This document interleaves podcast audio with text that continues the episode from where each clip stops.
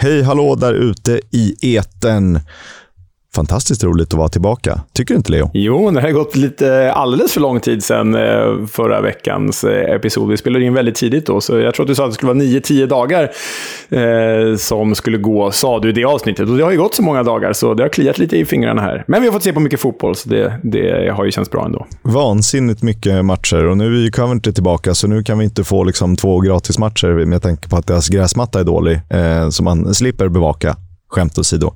Det är fantastiskt roligt, men det är mycket att eh, göra kring det. Mm. Det är både roligt och eh, krävande. Ja, men, eh, men kul är det. Jag tror nog att gräsmattan fortfarande är dålig, men, men att de kan spela på den. Så, så, vi får se hur det går för stackars Coventry framöver. Mål kan de inte göra på den i alla fall, men eh, med de orden så eh, let's go.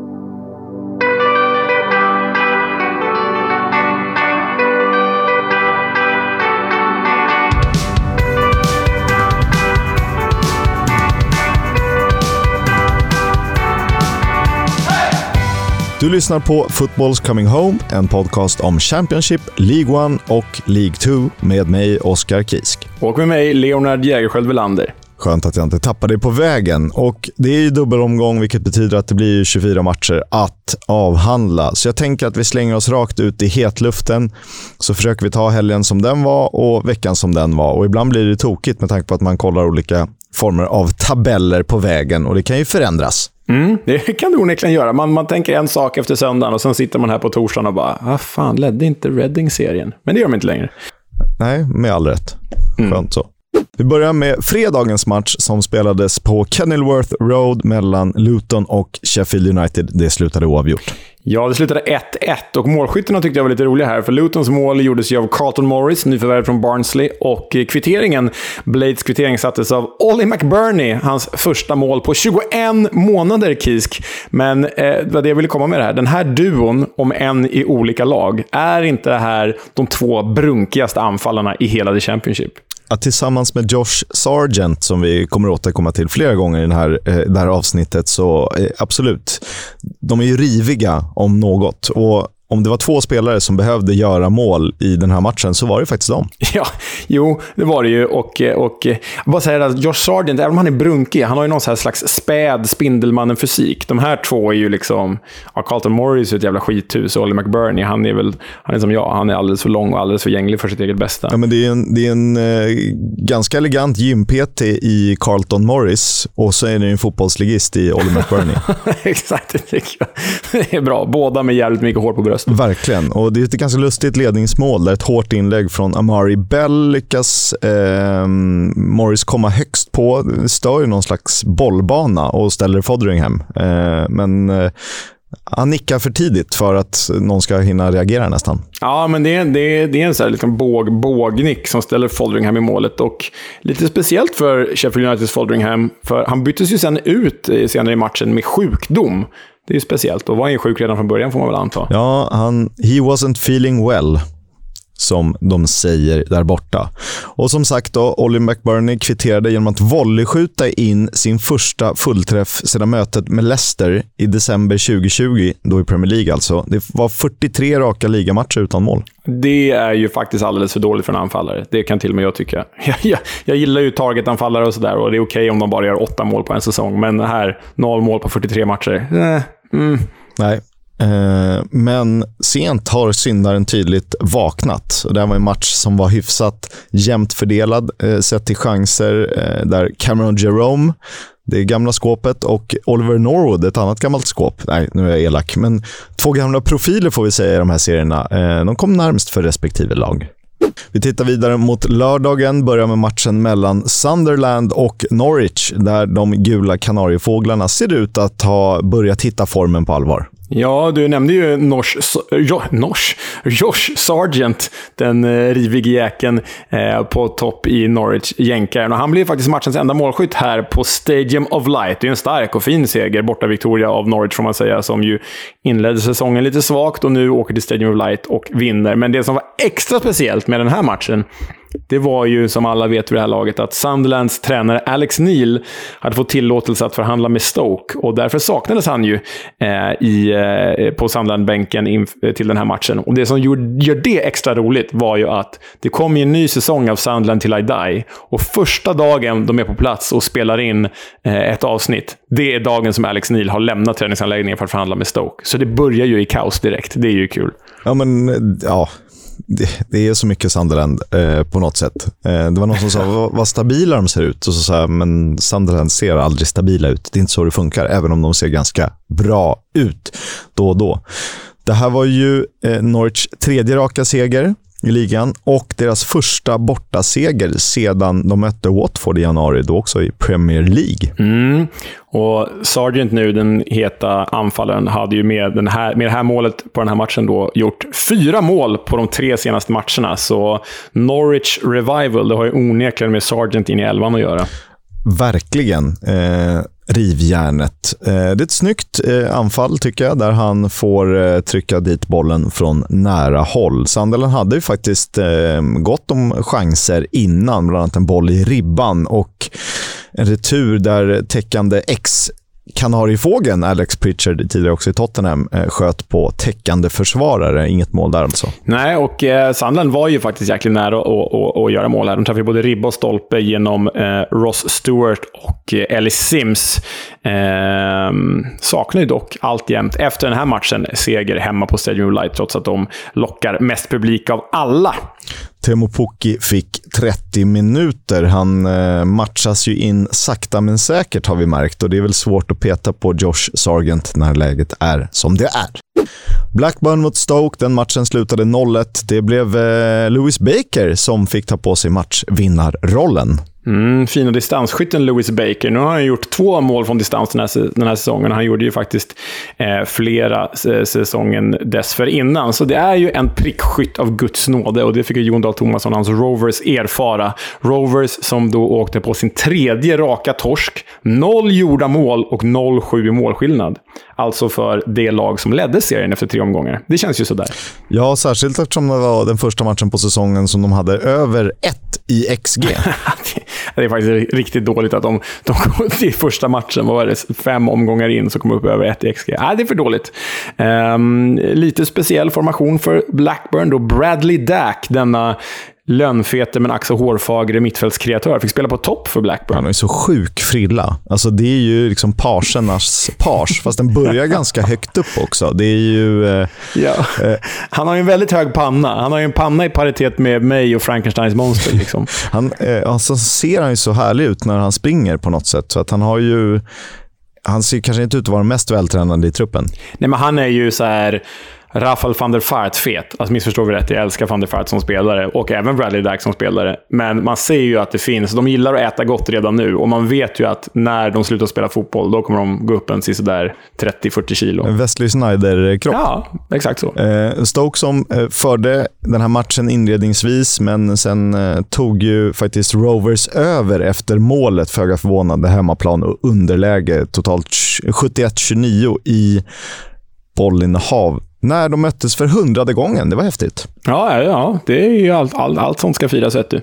Eh, Stoke hade gjort mycket ändringar i elvan också efter att eh, eh Michael O'Neill, tränaren, hade fått gå. Det var ju fem ändringar i startelvan. Bursick, Fox, Flint, Klukas och Dwight Gale, alla in jämfört med föregående match. Första borta segern för säsongen.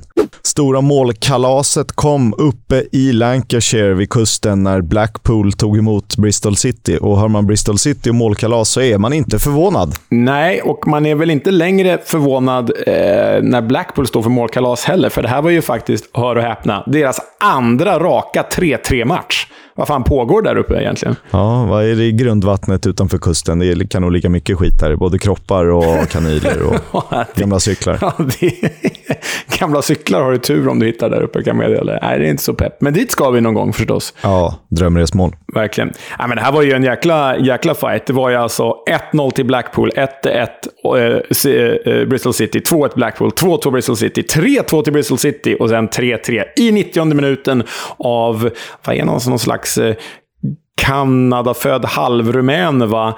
Corbiano, eller som jag hörde eh, eh, kommentatorn säga, Corbino. Men nej, det är Corbiano, precis som Montiano, inte Corbino. Corbino är väldigt, eh, väldigt mycket NFL på något sätt. Verkligen. Ja, herregud. Nej, men det här var ju en, en eh, fight utan dess like och framförallt roligt för Bristol City var ju att Antoine Semenyo återigen skrev in sig i målprotokollet. Denna fenomenalt härligt gängliga tekniska anfallare som varit skadad. Ja, det här kan ju bli skillnaden mellan mitten och en eh, lite mer framskjuten position, tror jag, om de får hålla honom. Särskilt när de har liksom, bevisligen Tommy Conway och Naki Wells i form. Så pass bra att eh, Chris Martin inte är aktuell för någon startelva längre. Så pass bra att Andy Wyman inte gör mål längre. Så, så, så bra anfallare har de i Bristol City. Nej, det här kan bli ett gafferbyte. In med Semenyo när han är frisk. Mm, verkligen. 3-3 och kaos eh, såklart när Bristol City spelar. Eh, 0-0 blev det ju när Preston North End eh, gästade Cardiff och vi är inte förvånade längre och vi blir, börjar nästan bli trötta på vårt tjat om Preston North Ends försvarsspel. Ah, men alltså 0-0 i Wales. Sjätte raka nollan för Freddie Woodman. Som du alltjämt lyfte som ett av säsongens nyförvärv innan säsongen ens startade. Så bra jobbat. Eh, nytt klubbrekord för Preston North End. Eh, sex omgångar med 1-0 i målskillnad. Eh, Ja, du, här ska det dock sägas att Cardiff var ju det bättre laget. Tidigare matcher har ju Preston varit laget som haft flest chanser och liksom borde gjort mål, men inte gjort mål. Eh, nu hade de faktiskt lite tur med sig att det inte Cardiff avgick med segern, för Cardiff var ju verkligen bättre här. Men har man ett ramstarkt försvar och Freddie Woodman i, i kassen, då blir det återigen 0-0. Jag kallar den här matchen brittiska mästerskapen i svag distansskytte. Eh, det var inledningsvis. Sen hade de varsitt avslut i stolpen, men eh, bara 2-0 i skott på mål totalt. Eh, det säger kanske rätt mycket om matchbilden ändå. Två tvåmålsskyttar när Huddersfield och West Bromwich Albion spelade 2-2. Ja, och här fortsätter, fortsätter ju då West Brom att tappa poäng, även om de nitade Hull dessförinnan med 5-2 var det va. Men eh, West Brom eh, skvalpar ju lite efter. De och Middlesbrough får väl i nuläget ses som eh, lite halvfloppar hittills. Det har gått ganska få matcher, men återigen poängtapp. Kul för West Brom var ju dock att Jed Wallace äntligen gjorde mål efter alla sina chanser den här säsongen. Han gjorde eh, både 1-2 målet och 2-2 målet. För dessförinnan hade ju Chelsea-lånet i Huddersfield, Tino Angerin, eh, gett eh, Huddersfield ledningen med både 1-0 och 2-0. Och 1-0 målet är väldigt, väldigt vackert när han curlar in bollen i krysset från dryga 20 meter. Och 2-0 han också snyggt. Snorbollen av Darrow Shea vandrar in, eh, förvisso alldeles för enkelt, men och avslutar distinkt. Ja, det är så jävla dåligt försvarsspel av, av Shea där, när han liksom försöker täcka ut bollen till inkast och sen lägger sig platt och tror att han ska få frispark. Ruskigt dåligt av en mittback som vi annars gillar väldigt mycket. Det är det. Och det här var ju West Bromwich fjärde raka kryss. Eh, och det är ju som det är. Eller inte fjärde raka kryss, men det var deras fjärde kryss. Eh, och det är bara PNI som har fler. Vi får väl se hur det ser ut efter veckoomgången. Mm. Oskar Estopinan var du snygg med att eh, spotta som en potentiell eh, stormålskytt inför säsongen och som, du, som rätt du har haft. Ja, nej men här gjorde han ju hattrick eh, hemma mot Coventry när Hull vann med 3-2. Och eh, Det innebar ju att han då hade gjort fem mål på två matcher, för han gjorde två mot West Brom dessförinnan. Men det ska sägas med det här hattricket som Oscar Estopinian gör, att det måste vara tidernas mest osexiga och fan mig det fulaste hattricket som någonsin har gjorts. Det, det, är, det är, alltså har du sett det här hattricket, Kiss? Det är så jävla fula mål, alla tre. Absolut har jag sett dem. Samtidigt vill jag ju ändå säga, eh, han är ju ruggigt eh, vass i sin timing. För att han är ju en, en galen fox in the box. Han är ju på exakt rätt ställe vid exakt rätt tidpunkt. Eh, även om man gör en centimeter från mållinjen så är det precis där han ska vara. Ja, men alltså, jag ser ju alla de här tre målen. Är, det är väl en retur han typ får på sig som går in i mål och sen är det en han håller sig borta vid, framme vid bortre stolpen och bara petar in den. Och så är det något typ här, nästan inlägg som han typ bara trycker in. Men han är ju som en typ fusion av Filippo Inzaghi och Marcus Albeck. Alltså om man tar fulheten i båda deras mål och liksom klump, adderar det så att det blir ännu fulare. Och sen tar man liksom deras förmåga att hålla sig på rätt plats vid rätt tillfälle och sätter ihop det. Då får man Oscar Estupinian. Världens fulaste mål med världens bästa förmåga att hålla sig på rätt plats. Ja, för står han två meter fel så gör han ju noll mål den här matchen. Så, och det är fotbollens tillfälligheter och, och ändå skickligheten från Estupinan att, att vara där. Så jag väljer ändå att hylla en anfallare. Och eh, han gör ju mål i form och det är bra tycker jag. Nej, men eh, jag tänkte att man inte ska glömma. Alltså, Oscar Estopinian överglänste ju en tvåmålsskytt i den här matchen. För Matty Godden gjorde ju två baljor för Coventry eh, när Gyökeres spelade hela matchen. Exakt. 3-2 blev det till Hall som bara har, eh, hade en förlust på de sex första matcherna innan veckomgången var spelad. Matt Ingram fortfarande etta i målet. Eh, Nathan Baxter på bänken. Ingram då, i alla fall räknat till helgomgången, den målvakt med flest räddningar i serien. Vilket säger något om att han har varit väldigt bra, men också om att hans försvar inte är superbäst. Så kan, han har fortfarande, kan jag avslöja, flest räddningar i hela serien. Eh, Gyökeres spelade ju hela matchen 90 minuter, inga mål från honom. Från eh, ett krislag till ett annat, om vi dyker från West Brom till Middlesbrough, så blev det ju faktiskt en seger när de tog emot Swansea. Ja, första segern för säsongen. Eh, Riley McGree, australiensiska landslagsmannen som vi lyfte som håll koll på inför säsongen, eh, satt ju 1-0 och Matt Crooks utökade till 2-0 och därtill med Middlesbrough-ögon sett så kan man ju säga att mittbacken Matt Clark, nyförvärv från Brighton Hove Albion, gick ju rätt in i trebackslinjen med Darrell Lenihan och Paddy McNair. Och där, Kisk, i alla fall på pappret, är det inte seriens starkaste backlinje. Eh, det får vi väl se. Eh, inte är det Swansea i alla fall, för de kan ju varken spela sig ur en hög press eller för den delen eh, försvara sig, vad det verkar. Ja, och Swansea, de har ju mest skador i serien. Många har ju drabbat, eh, i, drabbat dem i försvarslinjen också. Och det fick ju Russell Martin att ställa upp med en fyrbackslinje, trots att han egentligen inte vill. Så om vi pratar om Middlesbrough och West Brom som några slags krislag, så är ju Swansea nästan ett ännu större krislag. Ja, och frågan om spelarna själva har börjat tröttna på Russell Martin Boll. Eller? Mm, mm, det ja, återstår att se hur långt tålamod, hur stort tålamodet är från alla håll och kanter. Jag var ju helt övertygad, trots Reddings imponerande start, att Millwall skulle ta en trea hemma på The Den. De brukar ju kunna göra det, men icke sa Nicke. Nej, nope said Nike, för uh, Reading dominerade ju första halvlek eh, här eh, på den, vilket är ju väldigt oväntat. Man ser, det här är ju något slags låtsasderby. Det är ju liksom London mot Greater London och det är verkligen den ruffigaste London mot porsigaste Greater London-teamet. Så det finns ju verkligen kontraster här. Eh, men eh, det skedde ju Nabi Sarri, den gamla Lyon-produkten.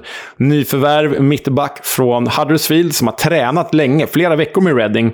Eh, och till slut värvades. Och då klev han rätt in i startelvan och gjorde också matchens enda mål. Det är ju imponerande. Ja, och eh, måste hylla försvarsinsatsen av The Royals. Eh, det blev ju kanske flest då halvchanser för ett rätt trögt Millwall. De hade en boll inne, men Afobe var offside när han styrde in bollen. I övrigt var det inte jättemycket att rapportera om från Lions-anfallet. Eh, och Redding var ju med det här, när den sjätte omgången summerades, serieledare. Alltså wow. Ja, efter sex omgångar. Och det trodde ju absolut inte vi. Vi kan väl lyfta en av våra kära lyssnare som är så här märkligt Reading-förälskad. Och det är ju Fabian Andersson. En, en, en profil på sociala medier som även syns i, i, i diverse Discovery-produktioner och sådär. När han får bollen på sitt könsorgan. Mycket roligt. Eh, men men eh, eh han lyfte ju Reading som en eh, liten oväntad kandidat inför säsongen. Så bra jobbat Fabbe, får vi väl säga. Men du, jag har en fråga till dig Kisk. Efter Reddings fina start, sett till förutsättningarna, var tror du att de hamnar till slut med de här matcherna som bakgrund? Nedre mitten, skulle jag nog säga.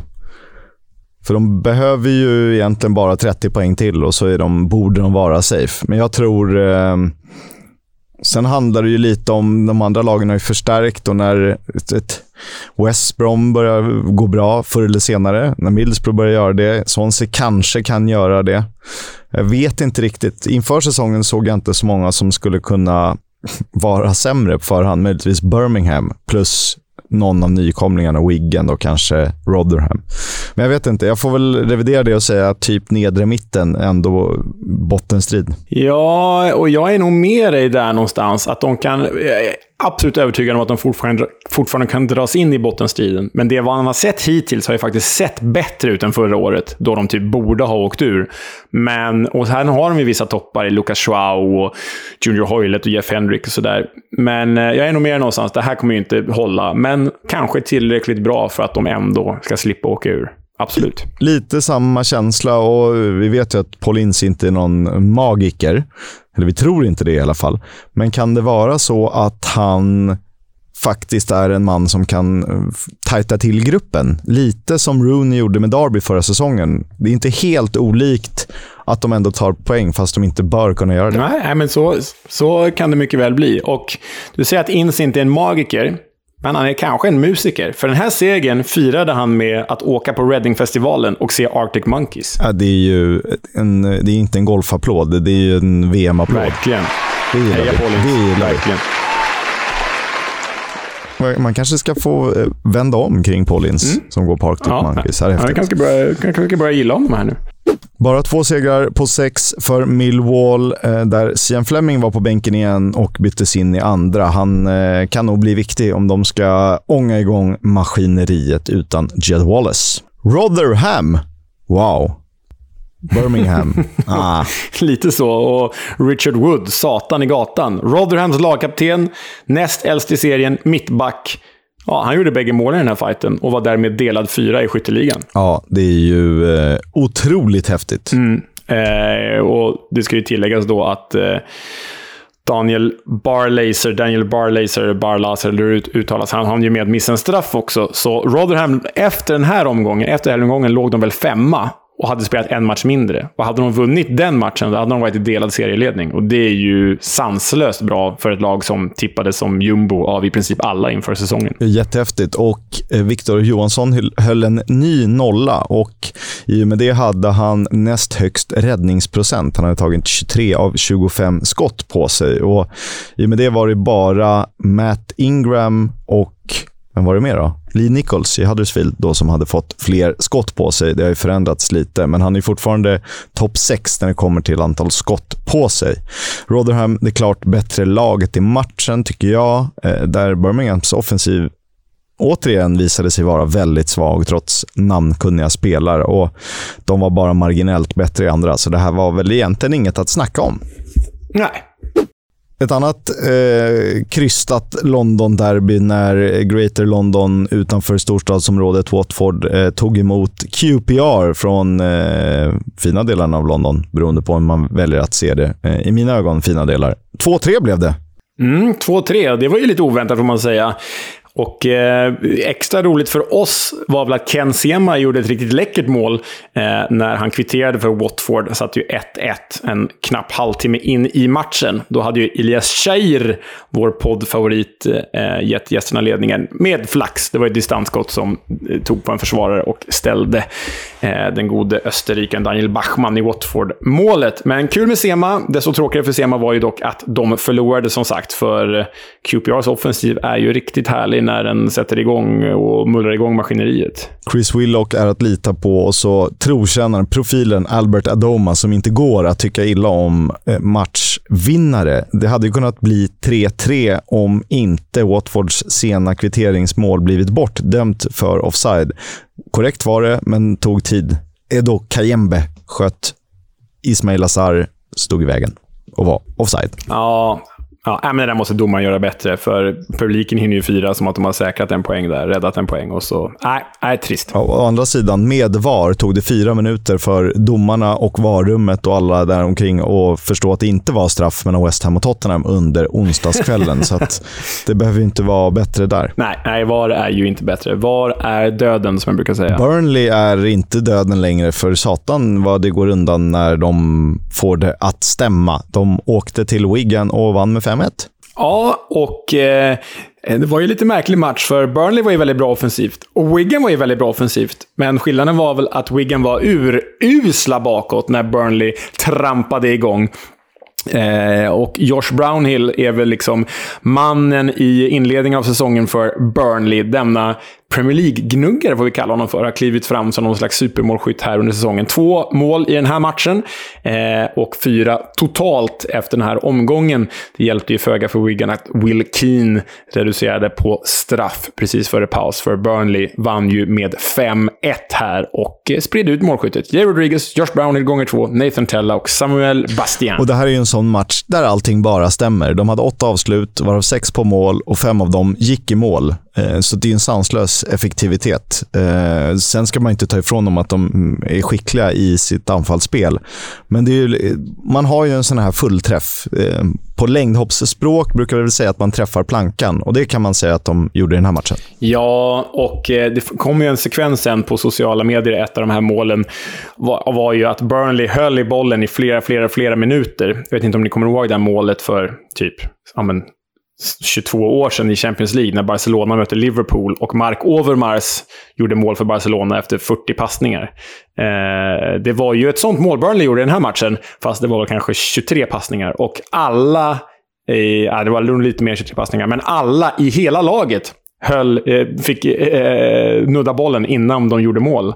Eh, så det var riktigt läckert. Burnley kan ju bli riktigt fina om de vill den här säsongen. Det är vi inte vana att se från The Clarets som annars skickat en långpuka upp mot eh, Ashley Barnes som väl har skarvat till någon eh, löpande Danny Ings karaktär och så kanske har blivit någonting av det.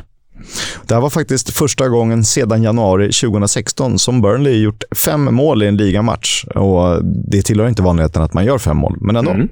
Vi går vidare mot veckoomgången där i den första matchen på tisdagen kronologiskt eh, så fick vi se Birmingham ta emot Norwich och då hade han vaknat på rätt sida, Scott Hogan, men det hjälpte ju föga. Det hjälpte föga mot ett Norwich som ju är för bra. Vi tippade dem som vår gemensamma eh, serievinnare och där någonstans kommer de väl vara till slut nu när de har trampat igång. För här blev ju mittbacken Andrew Omobamidele målskytt tillsammans med Onel Hernandez, kubanen som var utlånad till just Birmingham förra säsongen. Det var han. Han hade inga problem med att fira heller. Han slet av sig tröja och sprang fram till gästande supportrarna med all rätt. Eh, ibland eh, går det lite väl långt det här med att jag ska inte fira. Du var på lån och gjorde typ 20 matcher under våren. Ta det lugnt. Ja, verkligen. Men kul för Onel Hernandez. Scott Hogan gjorde alltså tröstmålet fast det var ett ledningsmål.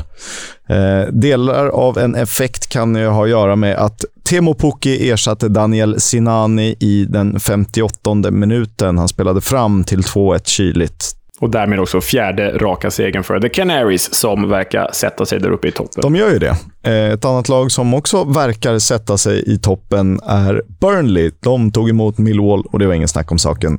Trots att Bartosz Bialkowski, som vi har pratat ganska mycket om, eh, gjorde en fin, fin insats. Ja, men han, han var ju bäst på planen i den här matchen, ska det ju sägas. Millwall-keepern.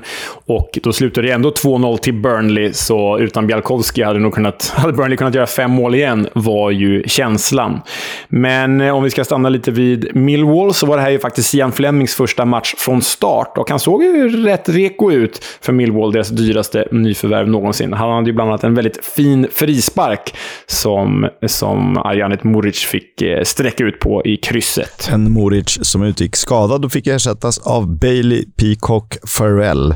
Jay Rodriguez gjorde mål för andra matchen i rad och Vitinho som jag tror kan bli en väldigt underhållande tillgång för Burnley, gjorde sitt första mål för klubben. Ja, men Burnley, nu har de och Norwich trampat igång. Det blir väl de och Sheffield United som kommer göra upp om det här till slut. Men vi får se, det är långt kvar.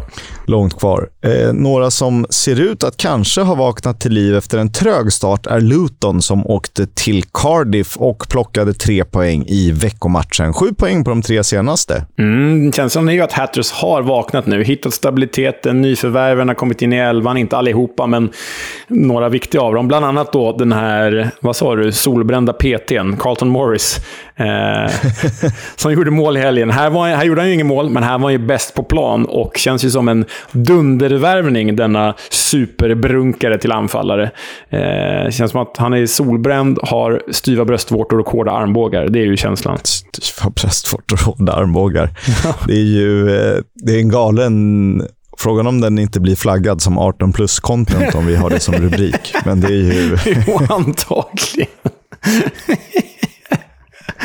Ja, vi får fråga någon jurist om det är okej okay att döpa ett avsnitt till styva bröstvårtor och vassa armbågar. Eh, ja, det är bra. Eh, ja, jag ska försöka hålla mig från att inte skratta. Eh, bra tryck i bössan har Romain Sawyers. Eh, precis som i premiären så hittade han rätt från distans, men det var alldeles för, för sent eftersom att Luke Freeman och Gabe Osho hade gjort varsitt mål för The Hatters. Och Det här var lite roligt. Luton har ju tagit två segrar den här säsongen, båda i Wales.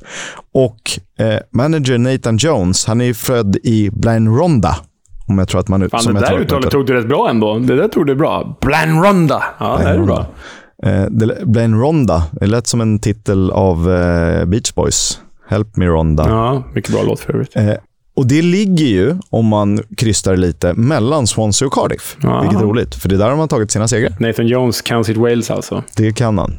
QPR Hull. Eh, ett typ på nytt fött QPR mot ett Hall som ju ändå har imponerat under säsongsinledningen. Men här var det show för Ilias Shahir. Äh, men det är ett sånt jäkla drömmål, det här ledningsmålet. Tio minuter in i matchen, kommer liksom från vänsterkanten av offensiva mittfältet, kliver in i banan och skruvar in den i bortre krysset. Det är ju ja, men perfektion av ett placerat långskott. Det är riktigt läckert av Ilias Shahir. Och sen gör de ju faktiskt två läckra mål till i den här matchen. Jag menar, Ethan Lairds 2-0, det är så riktigt Fifa-klapp-klapp. När man spelar in snett inåt bakåt så dyker han upp och stöter in den. Och Willocks placerade stolprotsträff är inte dum den heller, så QPR kan när de vill. Sex mål på de två senaste matcherna nu och då slagit Hull och Watford. Det är fan jävligt imponerande. Tjejer har ju nått 33 procent av sin målskörd från förra säsongen. Eh, Willock har nått eh, över 50 procent och Ethan Laird var ju mållös eh, på sina två lån under förra säsongen, vilket betyder att han har redan överträffat det. Jag tror att det där är en spelare. Får han det bara stämma, oj, oj, oj, vad bra han kan bli. Ja, Manchester United-lånet Laird, ja. Willock då han gjorde alltså sju mål förra säsongen, redan uppe i fyra. Det kommer han överträffa. Och Shahir, är det en Tarapt-säsong vi får se? Mm, hoppas. Sen har ju Lyndon Dykes en galen miss, men det behövs inte när eh, övriga offensiva krafter är så pass bra. Eh, Estopinians första mållösa efter tre matcher. Eh, innan det hade han ju fem mål på två matcher, så wow. Mm. West Bromwich kvitterar Preston North End i antalet oavgjorda matcher den här säsongen med fem. För de eh, reste till Wigan och de spelade bara 1-1. Ja, och det var ju Carlen Grant som gjorde West Broms mål och Josh McGinnis som satte Wigans ledningsmål. Och jag tänkte på en gammal Premier League-profil som spelade i Wigan och Blackburn. Men Jason Roberts, för er som kommer ihåg den, vad var han? Anfallare som spelade för Grenada typ i landslagsfotbollen. Men lång, gänglig, stark, brunkig buffelanfallare. Och det här med, med Gennis-målet kändes verkligen Jason Roberts-aktigt. Han bara trycker sig fram mellan två mittbackar och brrr, liksom vräker in bollen eh, eh bakom West Brom-keepern. Tänkte verkligen på Jason Roberts då. Ja, det är mer rugby än fotboll. Och det är typ fäller ut bommen och nu ska det bli mål. Och så har man bestämt sig. Ja, ja verkligen. Wigan slarvar. Det är Grant-läget där han säkert kvitterar in till stolpen. Ehm, rättvist kryss får jag ändå säga. Och Charlie Wyke, han gjorde sin första ligamatch på DW Stadium sedan hjärtstoppet i november förra året och det tycker vi är väldigt fint, såklart. Sheffield United är nya serieledare. De tog platsen från Reading som de också besegrade med stabila 4-0. Ja, men det här var ju utklassning. Reading har ju åkt på två sådana här dängor den här säsongen nu, även om de har börjat bra. Men det känns som att de är absolut numret för små när de möter de här riktigt bra lagen. Och Sheffield United, anförda av Olly McBurney, som gjorde mål för andra matchen i rad efter att ha gått mållös i 43, var det va? det är otroligt att, man, att det kan lossna sådär, ketchup-effekt och allt vad det heter. Men den stora grejen för oss, det var ju att, och ja, jag kommer kalla honom svensk, för han är svensk även om han inte spelar för svenska landslaget, var ju att Anel Ahmedhodzic gjorde två mål i den här 4-0-segern. Ett på volley med foten på hörna och ett med huvudet efter ett fint inlägg. Och vilken succé han har varit, Kisk. Verkligen. Ja, jättebra och han är, spelar ju en trebackslinje så att han är ju inte wingback utan han är, han är ju fortfarande mittback. Men han får ju väldigt stora friheter offensivt och det är ju roligt. Ja, det är kul och, och han är ju liksom inte bara briljant offensivt, han är verkligen med och bidrar till Blades väldigt stabila defensiv också. Så äh, superduper inledning för honom och man önskar ju verkligen att han hade varit, valt att spela för svenska landslaget för han hade klivit rätt in i den där startelvan. Det hade han ju definitivt gjort. Eh, Ilman NDI, på tal om Chris Willock, eh, gjorde också sju mål förra säsongen. Nu har han också gjort fyra och han lär väl passera det om Sheffield United fortsätter att vara så här bra. Särskilt på hemmaplan, där de tog sin fjärde raka hemmaseger för säsongen. Och senast det skedde under en start av en säsong var 2005-2006. Då blev man uppflyttade kanske vittnar om något. Mm, och sen eh, var det faktiskt så att eh, efter matchen så fick ju eh, Anel Ahmedhodzic svara på sin förmåga att göra mål hos den engelska pressen och det lät så här. Well, Nell, two goals then this evening. How did that feel then to to double and then extend your tally? Uh, no, it's it's amazing uh, to be able to contribute with two goals for the team. I feel very happy. Uh, I've taken big inspiration from Edin Dzeko, so uh, I don't know. It's uh, it just feels amazing to score and amazing to have a clean sheet and uh, to have three points. And uh, uh, the way we played made the atmosphere great. And when you have a great atmosphere, it's you just enjoy yourself. So Edin Dzeko is the inspiration. what happened? Why? I don't know because I've been watching him as uh, as a kid and he's always been my idol and he's always been scoring goals. But I'm a defender, so I'm not used to that. But I gotta get used to it now when I play here. Let's be honest, you don't always think you're a defender. You think you're a winger, maybe centre forward next on the list at some stage. I mean, after today, I think I'm a centre forward. ja, hyllar Edin Dzeko Kisk. Det, det gillar man väl ändå? Eh, det gillar man. Livsfarlig anfallare. Men eh, otroligt mm. bra. Ja, det var ju roligare om man hade hyllat Niklas Skog eller någon annan Malmö-profil, men nu fick det vara Edin Dzeko. Mats Liljenberg hade ju varit mäktigt. ja, verkligen. Han nämns alldeles för sällan. Watford Middlesbrough slutade 2-1 och målet kom sent. Det avgörande alltså. Mm, det kom ju så pass sent eh, Vakon Bajos 2-1 mål. I, det kom ju så pass sent så att jag hade hunnit stänga ner eh, både tv och eh, app och tänkte att den där matchen slutar i 1-1. Men det gjorde den ju inte. Fan vad förvånad jag blev morgonen efter när jag såg att de hade vunnit med 2-1. Eh, ah, eh, lätt, lätt förvånad blev jag onekligen. Eh, men dessförinnan hade ju eh, Ismail Azar och Rodrigo Muniz gjort varsitt mål i den här matchen. Fulham-lånet Muniz som fick göra sin sin första match från start för Middlesbrough. Han gjorde ju då mål efter blott fyra minuter, men det räckte ju alltså inte för Burrow, som verkligen inte lever upp till förväntningarna. Det gör de absolut inte. Eh, Watford spelar den här matchen i svart och vitt, det noterar ni säkert. Det eh, gjorde de för att hylla 100 år av fotboll på Vicarage Road i samma färger som de då hade för första gången. Eh, men det tog ju bara fyra minuter för de svartvita att eh, släppa in mål. Dock fin vändning. Eh, Ryan Giles ska vi kommentera eh, som vår favoritvänsterback i ligan, eller som vår bästa vänsterback i ligan. Han är två i assistligan med sin tredje assist för säsongen, även om Daniel Bachmann i Watford-målet ska ha den bollen. Mm, det tycker jag är lite svajig där. Vår eh, klippare och producent Kevins favoritkeeper. Skärpning Kevin, du får satsa på bättre kort än österrikiska. Sen vet man ju inte om Ismail Azar ska vara kvar eller inte. Detsamma gäller ju även Joao Pedro. Eh, de var i alla fall kvar de här två matcherna och eh, fint mål av Ismail Azar. Ken Sema från start byttes ut. Han riskerar ju att missa helgens match. Möjlig skada där. Mm, det vore ju trist, för det är en jäkla pålitlig figur i det här väldigt bra Watford.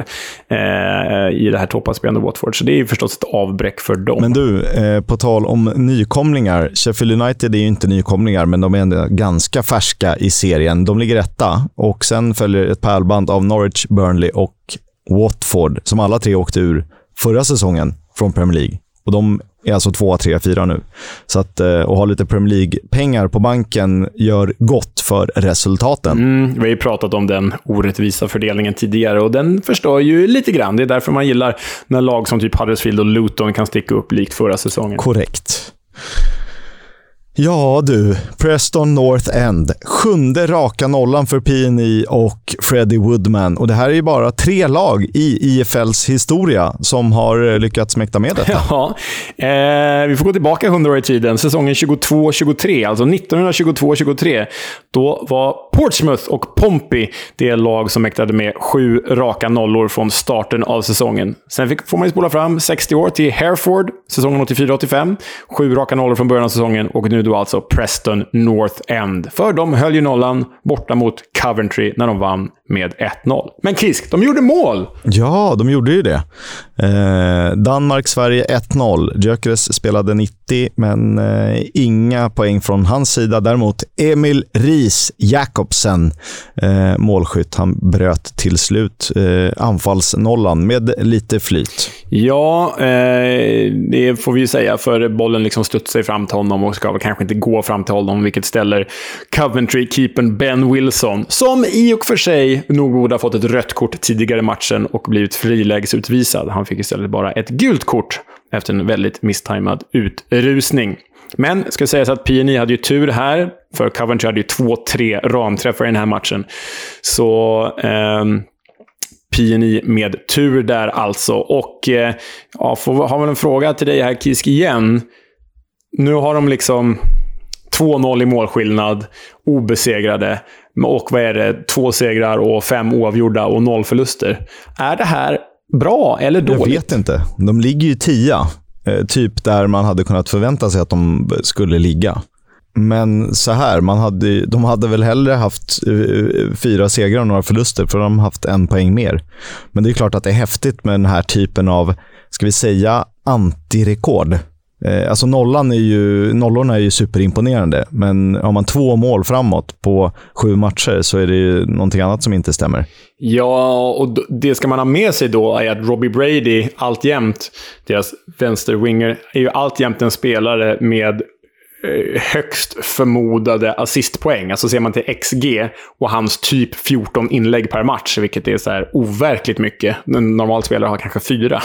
Eh, så är han den spelare som ska ha gjort flest assist hittills den här säsongen. Men det har han ju inte gjort, för de har bara gjort två mål.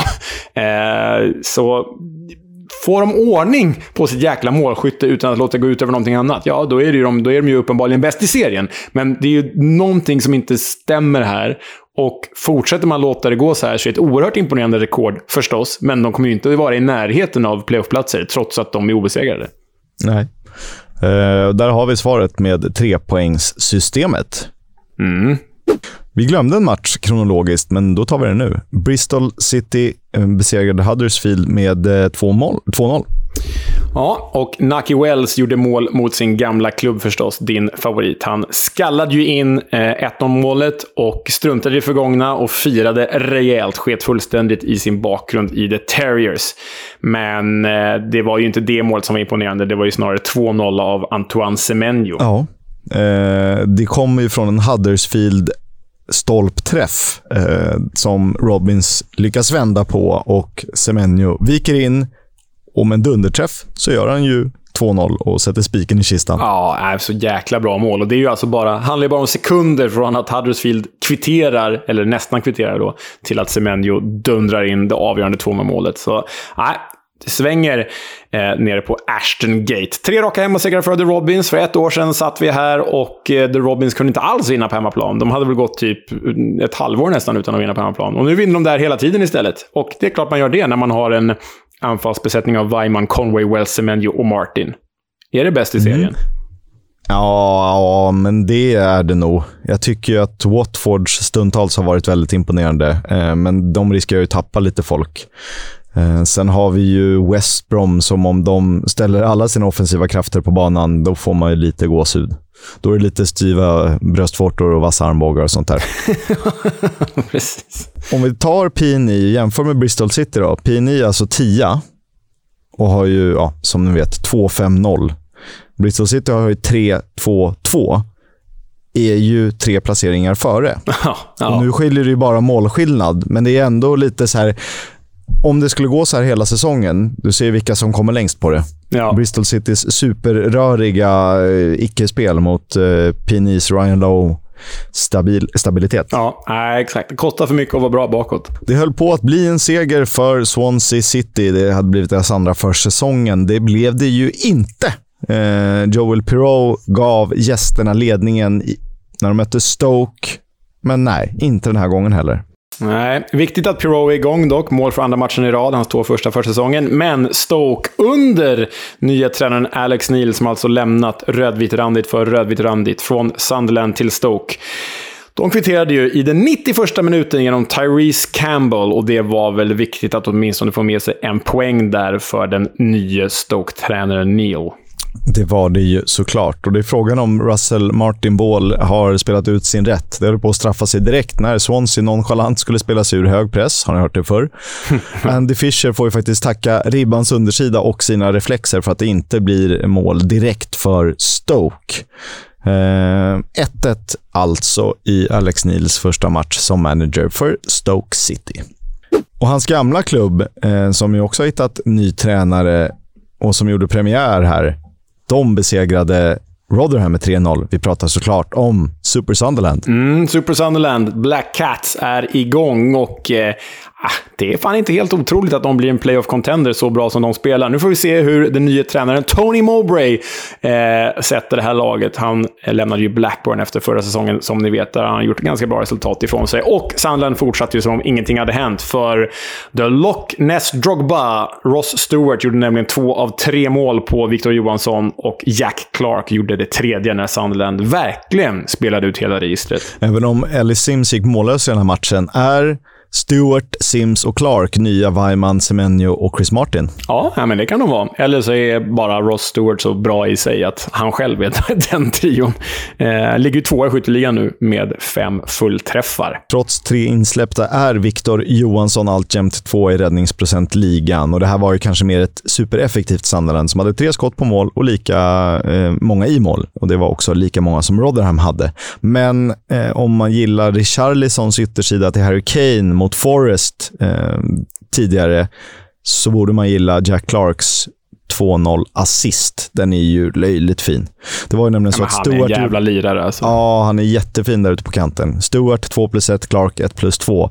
Det är, han smeker en yttersida som Stewart bara kan eh, göra mål på. Ja, det är fint. Och dessutom har han en superfin soloräd till det som blir spiken i kistan, då 3-0 målet alltså. Kul för ex-Spurs Jack Clark. Lancashire Derby brukar det vara lite titt som tätt. Det var det också i veckan när Blackpool tog emot Blackburn och den slutade 0-1. Ja, och eh, den här matchen såg jag ju parallellt med Alexander Isaks debut.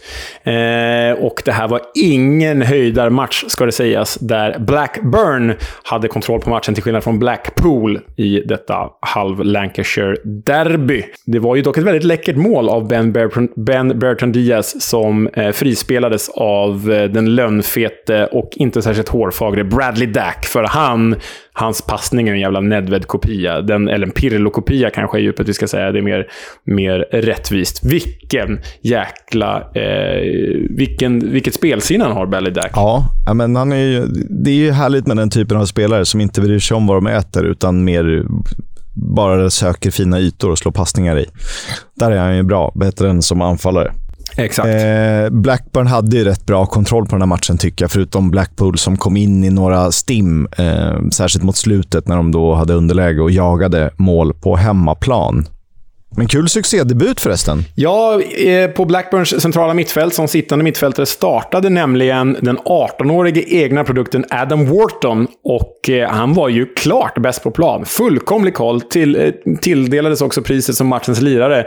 Och då fick han ju tid vid mikrofonerna. Born, bred and raised rover, som han är. Well played you too, Adam. A Derby win, uh, player of the match on your league debut. Will you remember this night forever? Yeah, definitely. Uh, definitely want to remember. I'm almost living a dream, you know. Uh, I'm a Blackburn fan, born and bred, so uh, no, just delighted with the performance and uh, to top it off with the three points. It's everything, yeah. You looked really comfortable out there. Did, did you feel it? Uh, at times, yeah. Uh, tried to keep a straight face and uh, act cool, but nah. Uh, yeah, it's just putting the performances in and uh, getting the points. That's what matters. And uh, fans were brilliant today, cheering us on all the way to the end. Nej, det, det, är ju det är svårt att inte gilla en spelare som går från egna leden. Eh, får hoppas att Rovers kan behålla honom ett tag till och vara bra med honom på planen såklart. Michael O'Neill var först med att få sparken och eh, en liten eloge till Leo som var tidigt ute med att förstå det. Men eh, kollar man på hela fotbolls-England så var det ju noll och ingen överraskning. Nej, alltså två raka 14 platser med Stoke är ju för dåligt. Ett lag som, som ska slåss om playoffplatserna och eh, kanske till och med direkt uppflyttning och satsar år efter år, vilket de gjorde även den här gången. Men det är ju inte så att Michael O'Neill är en dålig tränare. Alltså, han gjorde ju mirakelresultat med det nordirländska landslaget innan han tog över Stoke. Och det, det, är någonting annat som inte stämmer. För jag menar, Gary Rowett, han var ju tränare för Stoke. Gick inte så bra. Sparkades. Och efter att han lämnade, då har han tagit Millwall till deras bästa placering på 18 år i ligaspel. Nathan Jones kom in istället för Gary Rowett. Gick inte heller bra. Jag var på hans första match eh, som tränare i Stoke. Då vann de i och för sig, så då gick det bra. Men det gick inte heller bra. Han fick sparken. Och han gick därefter till Luton och har tagit dem till sin bästa placering på 30 år efter att han lämnade Stoke.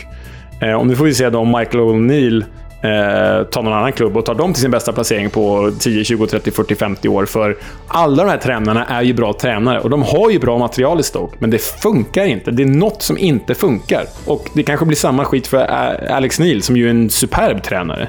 Ja, Eh, vi får väl se. Han har gjort det oerhört fint med Sunderland och byggt det här eh, som nu någon ska rida vidare på. Men det är ju så att Stoke ersätter O'Neill med A-Neil. alltså Michael O'Neill ut, eh, Alex Neil in. Eh, trist för Sunderland och eh, de frågade en supporter hur det kändes och han talar ju klarspråk. You still went? I mean, why would you, why would you want to go to Stoke? Have you been to Stoke? You not? Horrible. ja, eh, för mig som har varit i Stoke så är det ju bara att hålla med. Det är ju ett riktigt jäkla rövställe. Men jag läste också att eh, anledningen till att Alex Neil, för det kan kännas som ett sidosteg här för, för Alex Neil, att han går från eh, en rödvit randig klubb till en annan på ungefär samma plats i, i nuläget.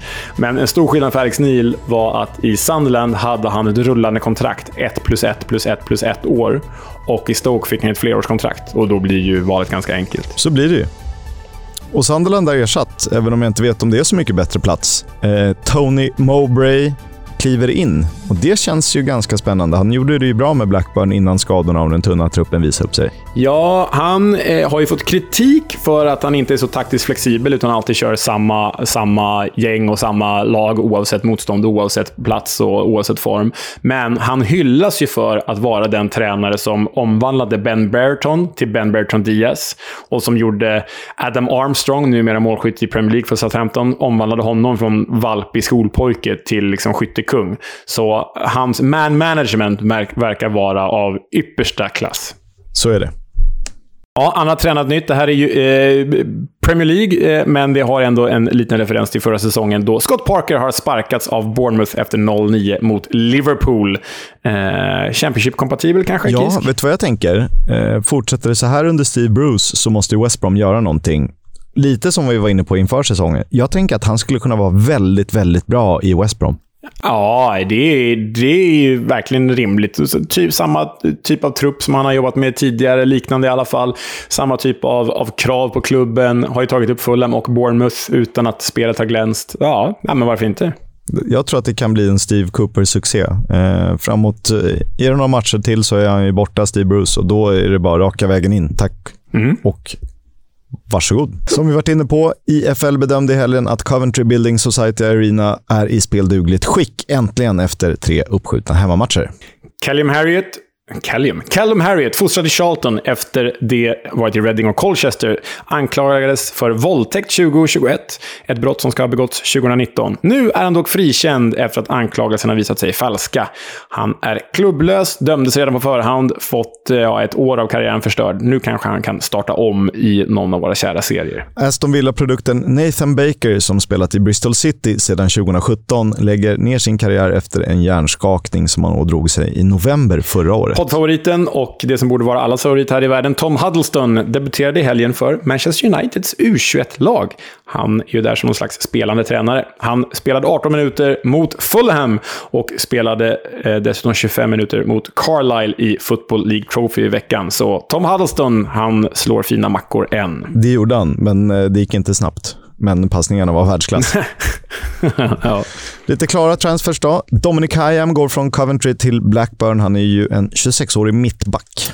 Ian Poveda har lånats ut från Leeds till Blackpool. Han var ju på Bla i Blackburn på lån förra säsongen. Han är ytter 22 år gammal. Andy Lyons går från Shamrock Rovers till Blackpool. Högerback, 22 år. Cyrus Christie, en annan högerback, har ju lämnat Fulham, vars kontrakt, han gick ut, kontraktet gick ut med Fulham, och han går till Hull, 29-årig walesisk landslagsman. Vi älskar våra fina namn, men här är ett av de bästa i serien när Sunderland värvar från Heridiano. Han är ytter, han är 18 år gammal och han går under namnet Jewison Bennett. Han är alltså costarican, men Jewison Bennett, det ligger så fint i namn. Ja, det är ett, ett jädra pangnamn.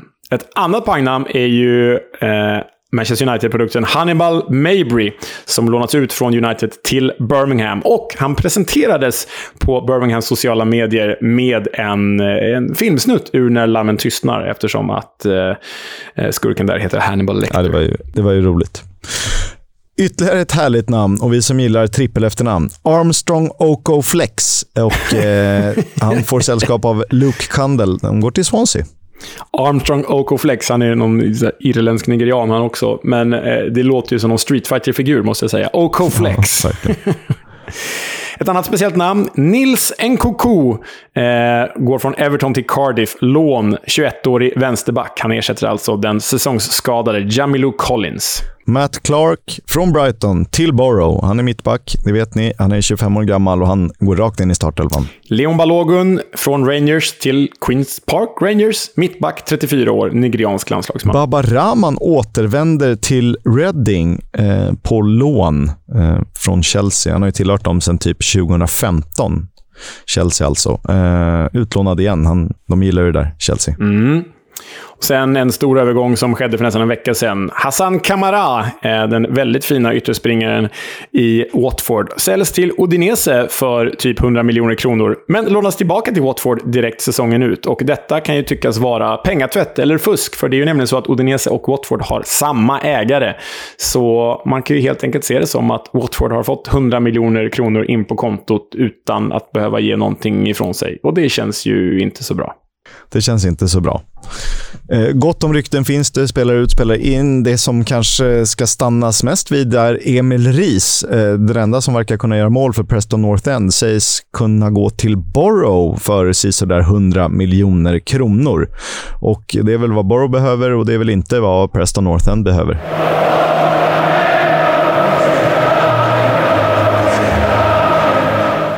Fotbolls Coming Home sponsras av Stryktipset, ett spel från Svenska Spel, Sport och Casino. För dig över 18 år. Stödlinjen.se.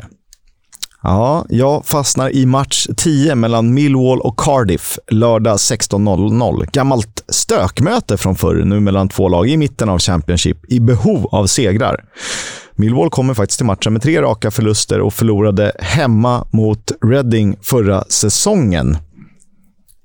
Nej, de har inte tre raka förluster, Millwall. Vad har jag skrivit? Eh, eh, jo, det har de ju. Nej, jag tar om den, eh, bara meningen Kevin. Millwall kommer till matchen med tre raka förluster och förlorade hemma mot Reading förra helgen för ovanlighetens skull. Jag tror inte de torskar två raka hemmamatcher inom loppet av en vecka. Det gör de inte. Jag tror på Millwall här. Vad ser du fram emot, Leo? Ja, men jag har ju fastnat i det här träsket att jag vill välja för många matcher, så jag tänker köra dem lite snabbt här en var dag. Fredagsfighten, West Bromwich Albion mot Burnley. Åh, det suktar rejält i munnen. Kisks seriefavoriter mot det lag jag har tippat ska missa playoff. Just nu känns ju dock Burnley som favoriter där. På lördagen ser jag fram emot Swansea mot QPR, för det känns som att det kan bli en eh, fullfjädrad, hejdundrande målglad match. Så det kan bli kul att följa.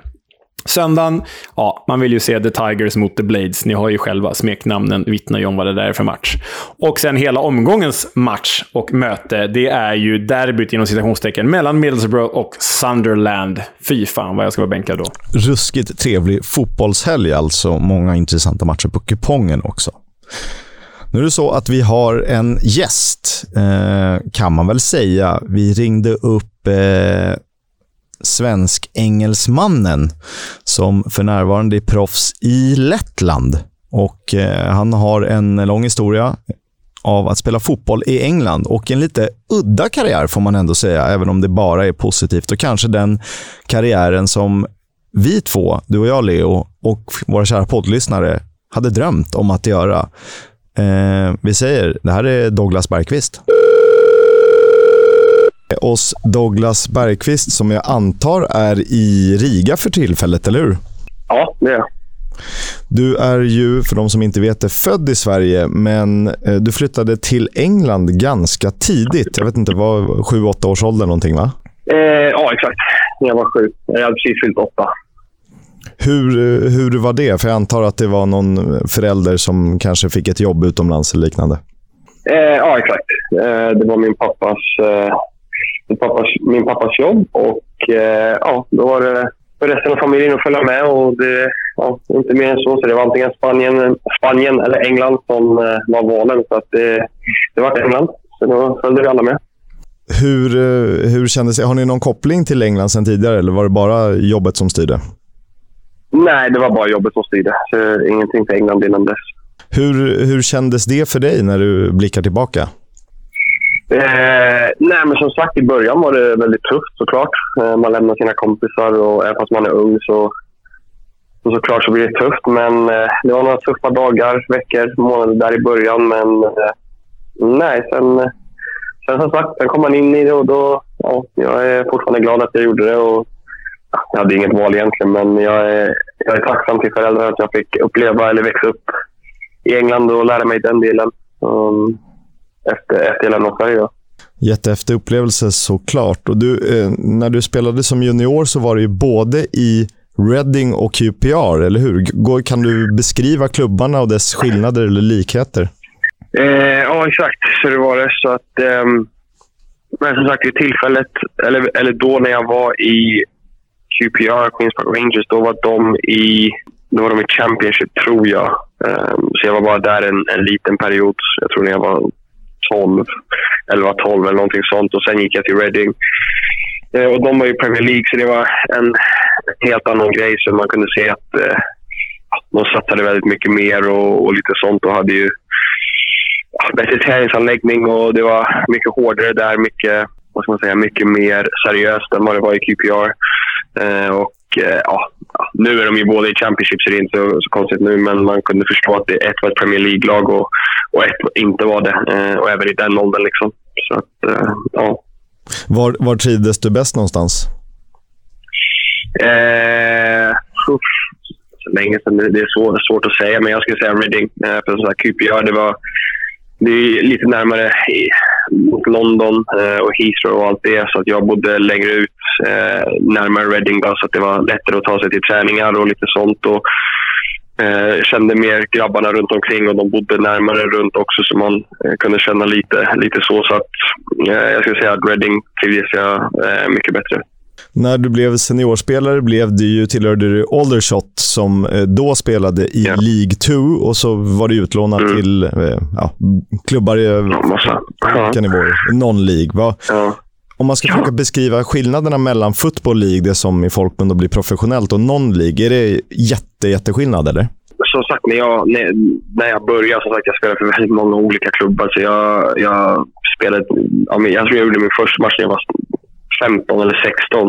Eh, någon League liksom, i mäns lag. Det var när jag var i Reading till och med eh, och spelade för, för ett lag. Men det var ännu lägre divisioner, men det var liksom en män. Så att, eh, Eh, den, det är en stor skillnad där. Vad kan man säga? Nivå det är kanske liga 10 om vi säger så. Eh, utifrån League 2 är ju är det fjärde divisionen. Då, så att det var en stor, ett stort gap mellan, mellan det. Men sen spelar det ju liksom i division 5, division 6 där också. Så där börjar det bli lite mer seriöst och speciellt femman. Um, conference då, som det heter. Det, det, blir, det är ju ja, hälften av klubbarna där då vid den tiden i alla fall var, var liksom professionella men eh, hälften var väl inte det. Så det, det, är en liten mix men som sagt de, eh, skillnaden är ja, de, hälften Uh, säga, hälften av conference är proffs, men ut, allt utifrån det under uh, har ett annat jobb. Liksom. Så att, uh, det är definitivt en stor skillnad. Uh, livs, alltså, fotbollsmässigt, fast också liv, livmässigt, liksom, livsmässigt. Så ska man säga. Så det, som sagt, några jobbade och, och det man inte var med i, i League 2 och allting sånt. Så att, ja, det var definitivt en stor skillnad. Kunde du försörja dig på fotboll helt och hållet då? Jag var ung, så jag skrev, jag skrev bara eh, ungdomskontrakt, eller liksom proffskontrakt. Så vad var det jag var 18, 18 19, 20. Då. Så jag, jag tjänade, jag tjänade... Jag började tjäna pengar när jag var 16. Då, då, då får man ju börja få betalt liksom för scholarship och allting sånt. Så då, vad fick jag då? Jag hade 150 pund i veckan tror jag. Så jag hade ja, typ 6, 6 000 i... Eller nej, 150, ja, nej, ja, 600 pund i månaden då, liksom, när jag var 16, så man började tjäna pengar även därifrån. Eh, men sen när jag blev proffs 18, 19, 20 då började man tjäna 300 pund i veckan. Som sagt, det är inte stor pengar alls eh, för summorna som är där, men ja, om, man, om man kollar på det jag gjorde och jag spelade knappast nå, eller så många A-lagsmatcher för League liksom, så jag bodde fortfarande hemma. Så att det, det var klart det var en, liten, en bra fickopeng för att ha. Såklart. Jag, jag, tror att jag talar för alla som lyssnar på den här podden när jag säger att drömmen vore att spela fotboll i lägre divisioner i England, såklart högre också. Men eh, alla de här klubbarna vi pratar om. Vad, hur ska man beskriva livet som fotbollsspelare i, ja, men vi säger League 1 eller League 2? Eh, som sagt, nu så tror jag det har ändrat väldigt mycket. Eh, som sagt, när jag var där, det var ju, det var ju rätt länge sedan. Så att, Eh, då var det väldigt, som sagt, jag tror det, eller det har ju varit väldigt mycket. Eh, jag tror både pengamässigt fast också professionellsmässigt och eh, science och träningsanläggningar och allting sånt. Och kvaliteten också, eh, skulle jag nog tro. Eh, men eh, beskriva det som sagt, man, eh, man eh, det, det, är svårt för det finns en mix. För det, det är mycket yngre som Um, eller det är, en, ja, det är en mix med yngre och äldre experience. Så det, det är svårt um, det är svårt att säga exakt vad. Men för sagt, jag var där som ung så det är svårt att kunna relatera till någon som är där om jag ska vara där nu som är äldre, liksom tio år senare. Men um, nej, såklart. Det är, det är kul. Det är, liksom, det är en typ av fotboll som jag älskar och det, det är passion även i de, på de nivåerna. Liksom, fast det är lägre och allting sånt så, så känner man sig fortfarande verkligen som en en fotbollsspelare och, och som sagt, jag har ju definitivt evolved nu. Ehm, men även i min tid så kände man att det, eh, det var en dröm att, att kunna göra sin debut i eh, jag tror jag var 18-årsåldern eller 17 år, ja, 18 tror jag. Ehm, I League 2 liksom. Det, jag kommer ihåg vi spelade borta mot Lincoln liksom, och de var relegated med 7000 fans där och stormade planen. Liksom, och, ja, eh, det, det är speciellt, det är mäktigt och som sagt jag tror alla alla runt omkring vet att lower leagues i fotboll i England är så. Men eh, ja, det är en cool upplevelse, definitivt. Jag är glad att jag har gjort det. Du nämnde Lincoln där. Vilken är din bästa matchupplevelse eller liksom roligaste arena du har spelat på? Vart, vart häftigast eh, från din tid i England? som sagt, jag skulle nog säga den, för det var min debut. Så den, känd, den kändes väldigt, väldigt speciell. Och som sagt, det var, det var en match. Vi hade inte så mycket att spela för. Vi var redan safe, om vi säger så. Men om vi vann så, så we relegate dem. Liksom. Uh, och som sagt, fullt med fans. De, pitch invasion liksom, för, för en debut så var det väldigt... Och jag kom på sista typ 20 minuterna eller någonting sånt. Så att det var väldigt speciellt. Och, um, jag skulle nog säga att det är den som jag minns mest uh, från min tid där i England i alla fall. Eh, du har ju spelat i sju, åtta klubbar ungefär i engelska systemet. Var mm. trivdes du bäst, både som klubb och liksom, om vi säger geografiskt, där du bodde? Eh, som sagt, jag skulle nog säga uh, Welling United. Det, det, var ett lag i conference um, som låg lite utanför London. Och Det var där jag kände att jag hade det som roligast och bäst. Fick spela och, och spelade... Ja, jag var bara där på lån i sex månader men spelade ändå liksom 35 matcher för det är så många matcher i, i FA Cup och, och i ligan och olika cuperna och sånt. Eh, och sen som sagt, laget vi hade där också var, var bra för den nivån om vi säger så. Och sen, eh, ja, och sen det, det gänget var, var jävligt skönt att, att träna. Så att, nej, jag skulle nog säga att det var min, min bästa klubb jag hade där i, i England och den roligaste perioden. För det var ju då du tillhörde Exeter i, i League One, men du spelade aldrig för dem, eller?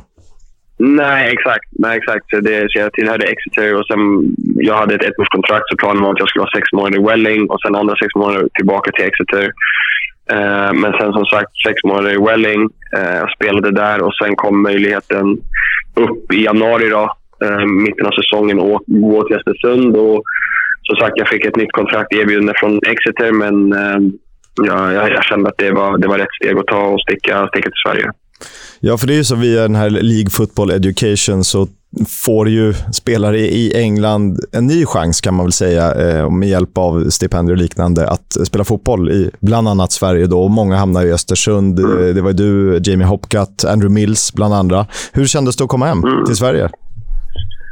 Eh, jo, jag, kom inte på ett, sånt där, eh, ett av de där programmen. Det, det, det, eller det, fotboll, liksom, den grejen är lite eh, separat från... Jag gick mer som en, en övergång. Det var inte det där eh, som man hjälpte till med klubbarna um, som Jamie och Andrew Mills gjorde på samma sätt därifrån. Men, um, men ja, nej, som sagt, det, det var en period jag kände var jävligt viktig för mig för att utvecklas i fotbollen. Och även fast det var superettan i Östersund och äh, superettan i Sverige så, så var det ett steg jag kände. Och efter att ha snackat med Graham, och se vart han är nu, så sen var det definitivt ett, ett rätt beslut att ta. Så att, äh, det kändes bra. Det kändes bra. Berätta om Graham Potter som tränare, för han har gjort en helt fantastisk resa eh, med Östersund och nu leder han Brighton och det går ju ganska bra får man ändå säga. Ja, det gör det definitivt. Så att, nej, han... Eh, som sagt, första, första gången jag var på telefon med honom och snackade med honom då när jag, eh, när jag var i England.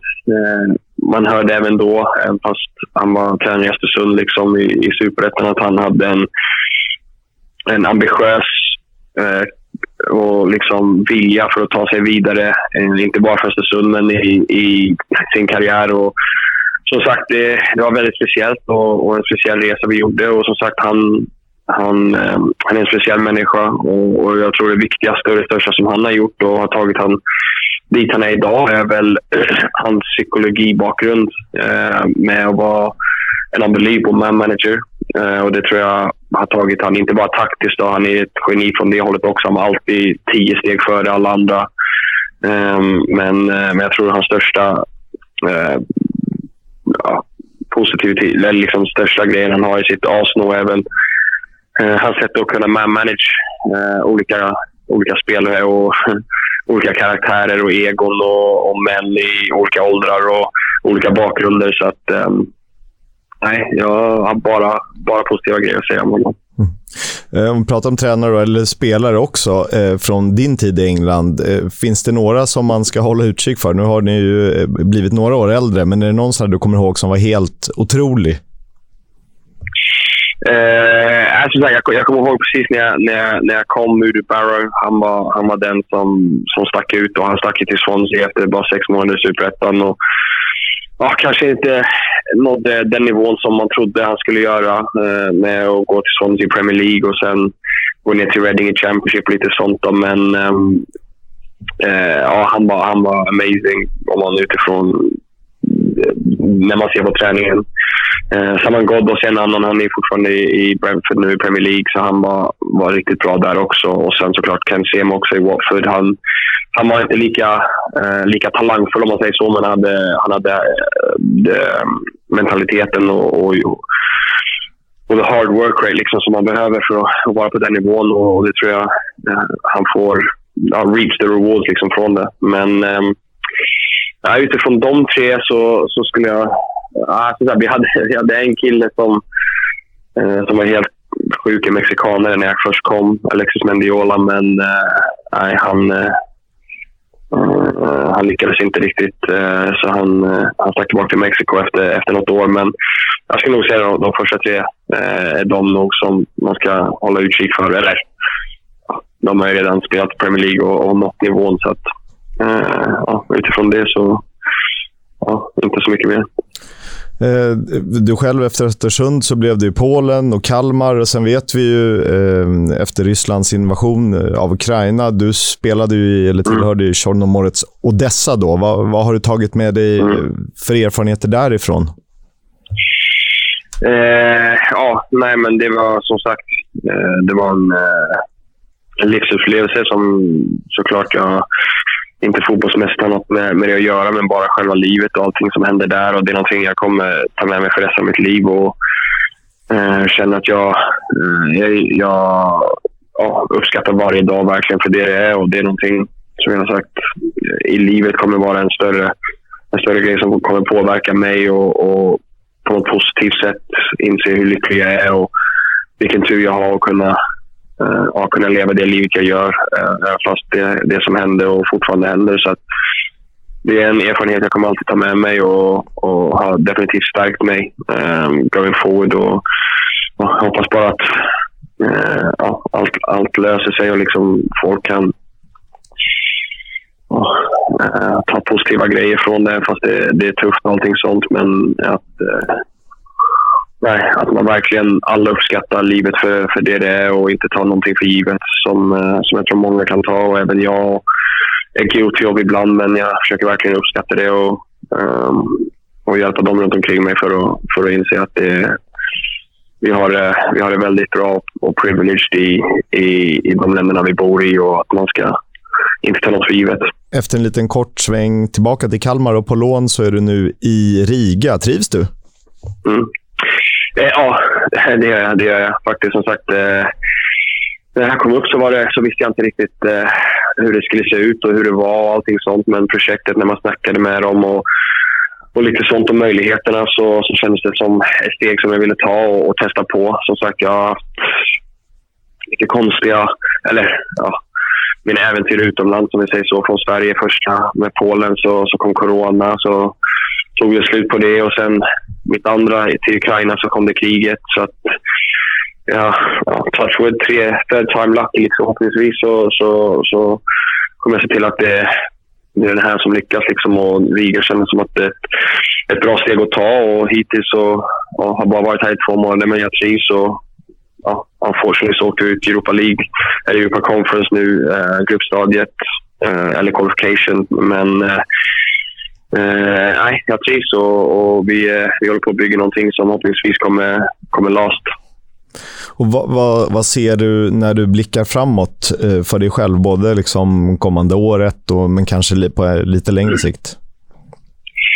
Ja, som sagt, det, det är väldigt svårt att, att, blicka, blicka för långt fram. För som sagt, jag, jag försökte göra det med, med de stegen jag tog till Polen och till Ukraina men sen var det grejer som hände som man inte kan påverka på samma sätt som ändrar livet och världen och, och karriären. Så att det är svårt att blicka för långt fram. Man försöker alltid ha en plan med vart man vill nå och vill göra och, och rätt steg att ta. Men som sagt, det, det, är svårt att blicka för långt fram och, jag gör inte det nu för tiden. Så nu, nu försöker jag bara ta en dag i taget och, och bli bättre och så ta de rätta stegen jag kan när jag, när jag väl får möjligheten. Och, eh, som det är nu. Eh, fullt fokus här för att, för att vinna ligan här och sen förhoppningsvis kvala för Champions League och sånt inför nästa år. Och som sagt, mer, mer än så har jag inte tänkt.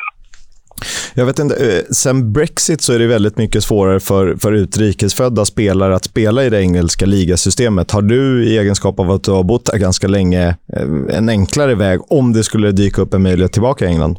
Eh, ja, ja, det har jag. Och som sagt, min familj och allting sånt är där fortfarande och har, har visats och allting sånt. Så att, eh, om det skulle vara någon, någon gång att man skulle återvända till England så, så har jag det lättare från det hållet. Lättare och lättare, men det är inte samma regler som, som på ett annat, för andra utlänningar om man säger så. Men eh, alltså, om, jag, om jag ska tillbaka till England, det är någonting jag alltid har velat. Men eh, ja, jag vill tillbaka till Premier League. Eh, jag, Championship skulle också vara intressant, men ja, jag har varit i de lägre divisionerna och det är ingenting jag känner är, är någonting jag skulle vilja. Um, så att om jag sticker tillbaka till England den, den dagen så, så är det någonting som måste stämma ordentligt. Men uh, vi får se. Vi får se. Det hoppas vi, för då kan vi få se dig varje vecka och prata om dig i den här podden. ja, som sagt, det har alltid varit en dröm att spela Premier League. Så att, uh, jag jobbar på det. Jag, jag kommer ta mig dit ändå. Eh, Det hoppas vi verkligen. Stort tack eh, Douglas och eh, kör hårt i Riga. Tack så mycket. Ja, kul att höra om någon som har gått igenom systemet på riktigt. Och Vi får hoppas att Bergqvist får återvända till sitt älskade England och spela fotboll där. Ja, det hoppas vi verkligen. Och eh, han drömmer ju stort om Premier League. Vi får se om det blir så. Vi hoppas att det blir så. Men eh, han får gärna spela i någon av de serierna vi följer. Det tycker vi förstås är ännu roligare. Men vilken jäkla karriärkisk. Och inte bara den, de klubbarna representerar i England. Fan, det här storsatsande Riga, bara det är man ju ohyggligt sugen på. The Baltic Brothers. We'll have a chat about the fucking game. About your game, last few months, last few weeks. Fucking character. Neil Warnock gör inte mer än att försöka imitera Richarlison på sociala medier, eh, så vi får väl gräva i arkivet. Och jag tycker ju att Joey Barton är lite av en Neil Warnock-figur. Och eh, då passade Shrewsbury Town på att eh, ta tillfället i akt och håna Joey Barton och Bristol Rovers med en rolig låt. Problem here. Y'all act like you never seen shoes breathe before. Moment poaching the score, leaving defenders on the floor. The gas it at barn door. But because of Bristol City, Loney Taylor Moore. Steve versus Barty, battle of the century. I can't believe we're in Joey's mind. Rent free, the points were shared. Sal Paul the greatest. Best of luck in keeping your league one stay this. Don't mean to be harsh, don't mean to be rude. Man, look at our defense. With Tom Shane, Matthew, Shrewsbury in your man, Shrewsbury in your head. Stay home and watch Liverpool. That's what you said. But it looks like your own players watch spots a red. Two shots on target, the same as four no Dead. Cause we are salad, and we are you. Bigger than Wrexham, Sunderland and Arsenal, dude. Cause we are salad, and we are you. Bigger than Wrexham, Sunderland and Arsenal, dude. Cause we are salad, and we are you. Bigger than Wrexham, Sunderland and Arsenal, dude. Alltså, eh, jag vet att väldigt många älskar Joey Barton för den jäkla karaktären är och jag känner väl någon slags enorm, nej, inte hatkärlek alls egentligen. Jag, jag ogillar honom ganska mycket för allt han har gjort. Men det är ju onekligen en karaktär, men det här är ju jävligt kul. Sån här skit ska han ju ha, såklart. Det ska han ju ha. Och eftersom det är som det är så bjuder vi på en till. Du har plockat fram en, en dubbel eh, veckans Warnock. Ja, nej men, eh, det var eh, efter eh, veckans matcher eh, i, så fick Cardiffs tränare Steve Morrison frågan återigen om man inte behöver skaffa en ny anfallare. De har ju problem med målskyttet, så han får ju svara, här, svara på de här ryktena match efter match efter match. Och så här lät det. Does it accelerate the need again to bring in a, a striker? Yes. Nej, jag, jag köper att han tröttnar. Och det är ju kul. Lite trött. Då har vi content att bjuda på. Yes! Det är som när man för trettonde gången har blivit ombedd att bädda sin säng. Då är det liksom, jag ska. Ja, jag ska. Hörni, det var allt för den här veckan. Jag tror att vi klockar in strax över timmen med lite smått och gott i den här podden. Väldigt roligt. Eh, nästa vecka blir det väl tidigare inspelning med att det inte är någon veckoomgång, men eh, mycket att se fram emot. Upptäckta vägar, de han tar.